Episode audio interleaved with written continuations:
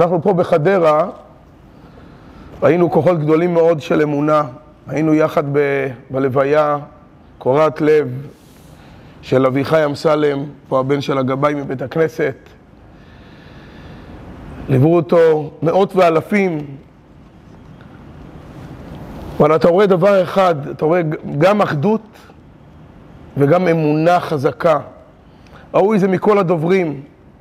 בעיקר, ואני רוצה לציין את מה שטל, האלמנה הצעירה, הטריה, אומרת, אני מצטרפת למשפחת השכול. אלמנה בת 28, עם שני ילדים, מאור וטליה. ואני רוצה לספר לכם שהייתה לנו תחושה מסוימת שזה יכול לקרות. היא מספרת על הרגעים של הפרידה כשהיו צריכים לארגן את הדברים לפני שהוא נסע לתוך, לתוך, לתוך האש ביישובים של עוטף עזה, אז בפרידה שהיא נפרדה ממנו, מלווה אותו, היא אמרה לו, אני רוצה להגיד לך, אביחי, תלך, אני איתך ביחד, תלך למשימה הזאת. אנחנו צריכים לעשות פה מסירות נפש. צריכים להביא לביטחון של עם ישראל.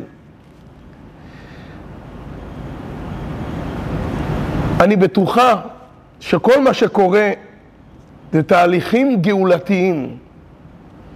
איך אישה צעירה שנכנסה לפרק חדש בחיים שלה, שהיא צריכה להתמודד עכשיו עם גידול של שני ילדים קטנים, לבד, היא אומרת, הולך במשימה, אני אשאר עם הילדים. היא נשארה באמת עם הילדים, נשארה לבד. מאיזה כוחות, כוחות גדולים ביותר. שזה אנחנו נראה בשיעור שלנו מפרשת השבוע, מהחוליה הראשונה בעצם של כל שרשרת הדורות, שזה אברהם אבינו, שהוא זה שנותן לנו את הכוח, את האמונה, את האהבה המיוחדת שלנו לקדוש ברוך הוא, שהיא מעל הכל, מעל כל הטרגדיות. מעל כל האירועים הקשים ביותר, המחרידים, יש את האמונה והאהבה שלנו שהיא תנצח בסופו של דבר. יש, uh, מספרים על אחד מהחסידים של אדמו"ר הזקן, שהוא היה מאוד uh, ייחודי, היה נדיר. הוא היה חסיד, עובד השם, אבל גם היה ליצן גדול. קראו לו רבי שמואל מונקס. היה תמיד עם בדיחה, עם, היה מנסה לשמח אנשים, והיה אומר להם בדיחה ומשתדל לעשות אווירה טובה. תמיד היה עליז. שום רגע עצוב לא הצליח לדכדך אותו. עד שיום אחד, לא עלינו, אתם יודעים, בבתים של פעם, היו בתים של עץ. ולא היה את הטכניקות של, אה, לא של גלאי עשן ולא של אה, כיבוי אש. ושלא עלינו הייתה שריפה מתחילה, ובקושי היו מצליחים, עד שהיו מצליחים לגלות אותה, היא כבר הייתה מתפשטת ואוכלת. במקרה הטוב היה אוכל בית אחד, במקרה הגרוע יותר, רחובות שלמים, הייתה יכולה לכלות. והאש התחילה, לא עלינו, בחצר הבית של רבי שמואל, החסיד העליז, השמח, וכולם באו לעזור לו, לקחת דליים של מים, לנסות לכבות. אבל היו גם כמה ציניקנים שבאו לראות מה רבי שמואל יעשה במקרה הזה עכשיו. איך הוא גם עכשיו, הוא יהיה לו את הבדיחה, הוא יהיה שמח, הוא ינסה ל... מה, מה עכשיו הוא יעשה? מה, מה הוא עושה עכשיו? איך הוא עובר את זה? ואז רואים את הבית עולה בלהבות, ברחוק הם ראו כבר את הלהבות, איך שהן עולות למעלה. ומתקרבים רואים את רבי שמואל עומד בצד, ביד למעלה, רוקד ושמח, וממלמל לעצמו. הם התקרבו אליו, רצו לדעת מה הוא ממלמל, מה, מה כבר בן אדם יכול, ועוד לרקוד? מה, מה הוא יכול לרקוד? אומר לעצמו, ברוך שלא עשני גוי. שאלו אותו מה הקשר שלא עשני גוי לשרפה? בין הברכה לשרפה, מה, מה הקשר? אמר להם, תראו, אם הייתי גוי, אז הפסל שלי, שאני משתחווה לו, ואני מתפלל אליו, והתקווה שלי גם היה נשרף בפנים. לא היה נשאר לי לא אלוקים ולא שום תקווה. הכל היה הולך בתוך השרפה הזאת. היות ואני יהודי, אז האלוקים שלי נמצא מחוץ לשרפה, מחוץ לבעיה. אני מתמודד אומנם עם שרפה, אבל אני בטוח שאלוקים ייתן לי את התקווה ואת הברכה להתחיל מחדש. אני בטוח שהכל יהיה בסדר, כי אחרי שרפה מתעשרים. הכוח הזה שיש לעם ישראל לדעת שגם שיש משבר, אפשר לצאת ממנו, ו- ו- ואפשר להתעודד, ולצאת מחוזקים ולהתעודד, זה אנחנו מקבלים מאברהם אבינו. המשנה אומרת בפרקי אבות, עשרה ניסיונות נתנסה אברהם אבינו, ועמד בכולם. להודיע כמה חיבתו של אברהם אבינו, כמה החיבה שלו הייתה גדולה לבורא. עם כל הדברים, עם כל העליות ומורדות שהיו לאברהם אבינו, הוא תמיד נשאר באהבה גדולה, עד כדי כך שהקדוש ברוך הוא קורא ומכנה אותו אברהם אוהבי. אברהם אוהב אותי. זה לא משנה באיזה מצב, באיזה סיטואציה הוא יהיה, הוא תמיד יישאר דבק, מאמין ואוהב. אנחנו רואים את זה בפרשת השבוע שלנו, דבר מאוד uh, מעניין. הפרשה נפתחת עם לך לך מארצך, ממולדתך ומבית אביך אל הארץ אשר הרקע. אומר הקדוש ברוך הוא לאברהם אבינו, אני רוצה שאתה תצא מה, מכל מה שהכרת עד עכשיו. תצא מהבית שלך, תצא מהשכונה שלך, תצא מהארץ שלך, תצא מבית אביך, תצא, אני רוצה שתעשה שליחות. תלך לארץ ישראל, אל הארץ אשר הרקע. אני מבטיח לך, שני דברים עיקריים הבטיח לו הקדוש ברוך הוא. אני אעשה אותך לעם גדול, משפחה גדולה, למעצמה, ואני מבטיח לך גם את ארץ ישראל. ארץ כנען, מה שהיה נקרא, זה יהפך לארץ של המשפחה שלך לדורות עולם. כך אומר הקדוש ברוך הוא לאברהם אבינו. ומכאן מתחיל, מתחילה הפרשה לספר בדיוק דברים הפוכים. אברהם אבינו מגיע לארץ ישראל ומתחיל רעב, הוא יורד למצרים. במצרים פרעה רוצה לקחת את אשתו. כל הדברים, כל הניסיונות שעברו עם אברהם אבינו, ניסיונות קשים ביותר. והעיקר, הקדוש ברוך הוא הבטיח לו שיהיה לו ילד, ולא היה לו ילד.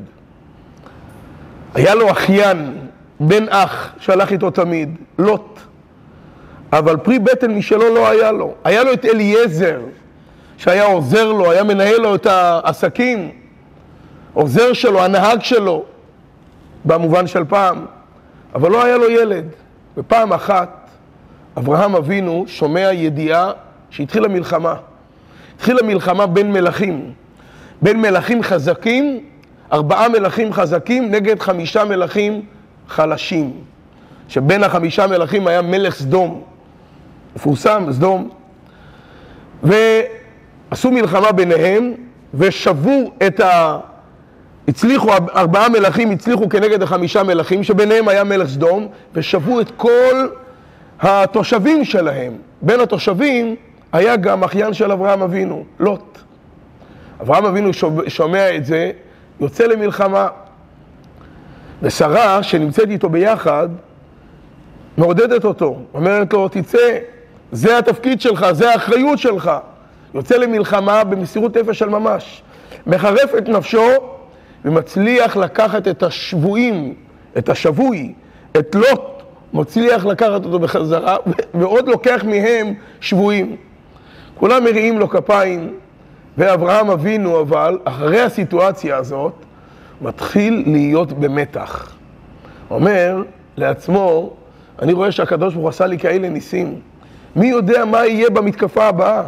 מי יודע אם אני אצליח בשלב הבא, בהזדמנות הבאה שתהיה, ואני אצטרך לזכויות? מי, מי יודע אם יעמדו לי הזכויות? אומר לו הקדוש ברוך הוא, אל תדאג. אל תירא אברהם. אתה דואג שלא יהיה לך זכויות? שכרך הרבה מאוד. אני איתך, אני הולך איתך כל הזמן. אני מבטיח לך, יש לך הרבה קרדיט אצלי. אומר אברהם אבינו לריבונו של עולם, השם אלוקים, מה תיתן לי? ואנוכי הולך ערירי. הבטחת לי ילדים. הבטחת לי שיהיה לי ילדים ממני, ואני הולך ערירי. אני כבר בן אדם מבוגר. הוא כבר היה קרוב למאה שנים. אין לי ילדים עדיין. אומר לו הקדוש ברוך הוא לאברהם אבינו, אל תדאג, יהיה לך בן ממך, ממאיך, יהיה לך פרי בטן משלך, אין לך מה לדאוג. ויוצא אותו החוצה, ואמר לו, ספור את הכוכבים. אמר לו, אתה רואה שלא יהיה לך ילדים. ככה, ככה רואים ההצטגנינים במזלות. אני מבטיח לך, אתה מעל המזלות. אתה מעל הטבע, אני מבטיח לך שיהיה לך ילדים. אתה רואה את הכוכבים? אתה רואה שיש הרבה כוכבים? כה יהיה זרעך. כמו שאתה לא יכול לספור את הכוכבים, ככה אתה לא יכול, לא תוכל לספור את הילדים שלך. כן, כולנו יצאנו, כולנו מאברהם אבינו. ככה הקדוש ברוך הוא אומר לאברהם. עובר עוד כמה שנים, כלום, אין לו ילדים. באה שרה לאברהם ואומרת לאברהם, בעלה, תשמע, יש לי שפחה, ממני אין לך ילדים, אולי מהשפחה יהיה לך. ואני אבנה גם ממנה, גם לנו יהיה ילדים, בזכות השפחה יהיה לנו בית, יהיה לנו תינוקות. התחתן עם uh, השפחה, קראו לה הגר, שהגר אגב הייתה אישה צדיקה, לא סתם שפחה, היא הייתה הבת של פרעה, עזבה את הארמון המלכות, לא היה אכפת לה להיות השפחה של שרה, העיקר להיות בצילו של אברהם אבינו, בצילו של הצדיק. והייתה חיה שמה, אברהם התחתן איתה, נולד להם בן ישמעאל. ישמעאל גדל, נהיה כבר בגיל 13. אומר הקדוש ברוך הוא לאברהם אבינו, תדע לך, אתה מגדל אמנם את ישמעאל, אברהם השקיע בו, אברהם התפלל בשבילו, כן? אנחנו צריכים להשקיע בחינוך הילדים וגם להתפלל בשבילם. הוא התפלל וביקש מריבונו של עולם שישמעאל יהיה ירא שמיים. שהוא ידע להגיד מודה אני בבוקר, ידע להגיד שמע ישראל פעמיים ביום, שידע לעשות מצוות, שידע להיות יהודי טוב. ואכן הוא הצליח עם ישמעאל. פחות או יותר, הוא אמנם היה פרא אדם, אבל הוא קיבל מסורת בבית של אברהם אבינו. אומר הקדוש ברוך הוא לאברהם, הקדוש ברוך הוא מפתיע אותו ואומר לו, תדע לך, ישמעאל, אתה יכול לשים אותו בצד, יהיה לך נחת ממנו. אני רוצה שיהיה לך נחת, אבל מבן נוסף שייוולד לך. ממי? משרה. תאר לעצמנו, שרה, כשאברהם התחתן איתה, התברר פתאום שהיא עקרה. גם כשהיא הייתה צעירה היא הייתה עקרה. ככל שעוברים השנים, הזמן לא עושה, לא מיטיב. הזמן רק נהיה יותר, יותר קשה, יותר מורכב. שרה הגיעה לגיל 70 פלוס, כבר היו לה שערות שיבה, נהייתה עוד יותר מבוגרת, בת 80, היא כבר נהייתה בת 90. בגיל 90 בדרך כלל בן אדם הולך כפוף יותר, זקוק למשענת, כן? זקוק כבר לעוד אה, עוד איזשהו רגל שיחזק אותו. אומר הקדוש ברוך הוא לאברהם אבינו, יהיה לך בן משרה.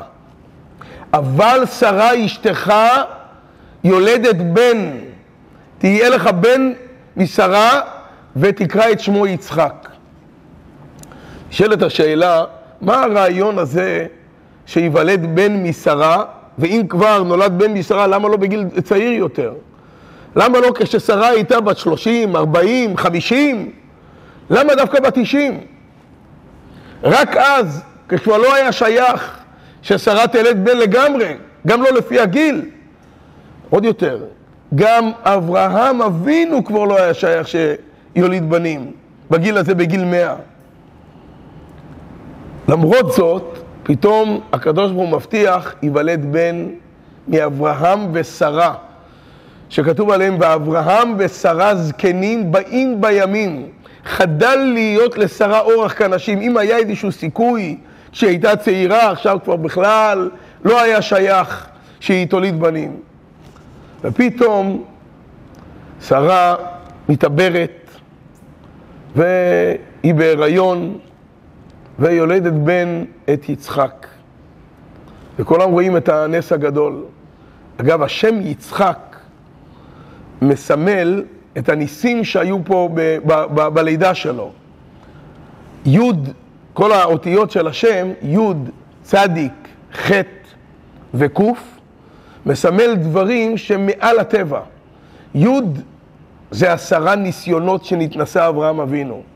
צדיק זה תשעים, הגיל של שרה אימנו. ח' זה הברית מילה שעשה יצחק בגיל שמונה ימים, היהודי הראשון שנולד בגיל שמונה ימים. ישמעאל היה בגיל 13 ויצחק היה בגיל שמונה ימים. שבגיל שמונה ימים, לכאורה, היום זה כבר דבר רגיל, אבל זה לא היה דבר אה, מובן, ודאי אז, שבגיל שמונה ימים מיד ייקחו ילד ויכניסו אותו בבריתו של אברהם אבינו. מה הרעיון לקחת שמונה ימים? תן לו לגדול, תן לו שיתחזק, שיהיה גדול יותר, אולי שיהיה עוד יותר אפילו, שהוא גם יוכל להשתתף במסיבה הזאת. הוא גם יוכל לאשר מה העניין הזה של אה, שמונה ימים. ככה הקדוש ברוך הוא רצה. ונראה את זה לפי כל המבנה פה, נראה פה את הכיוון. וקוף, קוף זה היה הגיל של אברהם אבינו. אומר הקדוש ברוך הוא לאברהם, אני רוצה שתדע גם עכשיו, וגם עם ישראל ידע לדורות, שכל הקיום של ישראל הוא למעלה מדרך הטבע. ישמעאל נולד בצורה טבעית, בלי שום בעיה, נולד מאברהם כשיכל ללדת, והגר, נולד ישמעאל, ונולד וגדל איך שהוא גדל. זה ישמעאל. אז הנחת שיש מישמעאל הוא גם נחת רגיל, משהו רגיל. פה הקדוש ברוך הוא רוצה שייוולד בן שממנו יצא עם ישראל. הקיום של עם ישראל הוא על-טבעי, הוא מעל הטבע. לכן השורשים שלו מתחילים כבר בניסים. כששרה מגיעה לגיל 90 ואברהם מגיע לגיל 100 וכבר אין אפשרות עד כדי כך שהיו מרננים אחרי שרה ואברהם אמרו שממי, מאיפה יש להם את הבן הזה? זה הביאו איזה אסופים מהשוק. מה עשה הקדוש ברוך הוא? הקדוש ברוך הוא רצה להראות את הנס הגדול ששרה ילדה מעצמה, עשה הקדוש ברוך הוא נס שכולם הביאו את התינוקות שלהם להניק משרה. שרה איתה, היה לה חלב להניק לא רק את הבן שלה, אלא את כל התינוקות האחרים. וכולם הבינו ששרה עצמה היא זאת שהולידה את יצחק. זה בא לומר לנו מסר גדול מאוד, שעם ישראל נמצא מעל הטבע. הוא לא שייך בכלל לחוקי הטבע. וזה הקדוש ברוך הוא רוצה ללמד אותנו בפרשה שלנו של לך לך.